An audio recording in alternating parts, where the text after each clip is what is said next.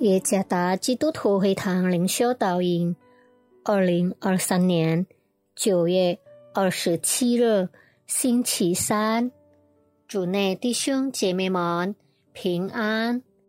今天的灵修导引，我们会借着圣经哥罗西书第三章二十三节来思想今天的主题：我的工作。就是我的服饰。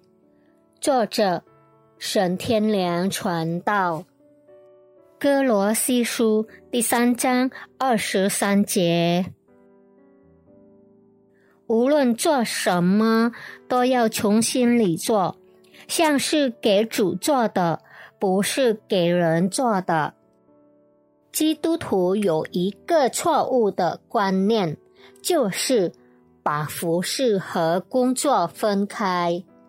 一方面，服饰通常只奉献给神团队性的属灵活动，例如崇拜聚会中的服饰、参加祷告会、在主热学教导、带领小组、参与教会的行政、支持拆船施工。另一方面，工作只谋生，为了养家糊口、挣钱和发展事业等。通常，这与崇拜聚会和传扬福音无关。哥罗西教会的信徒也有同样的心态。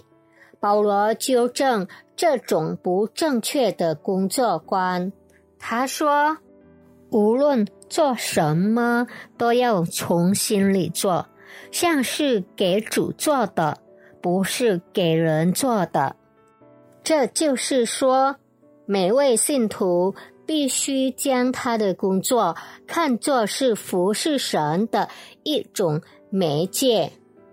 我们应该努力。使工作的地方，无论是办公室、工厂还是商店，成为宣扬神国度的讲台。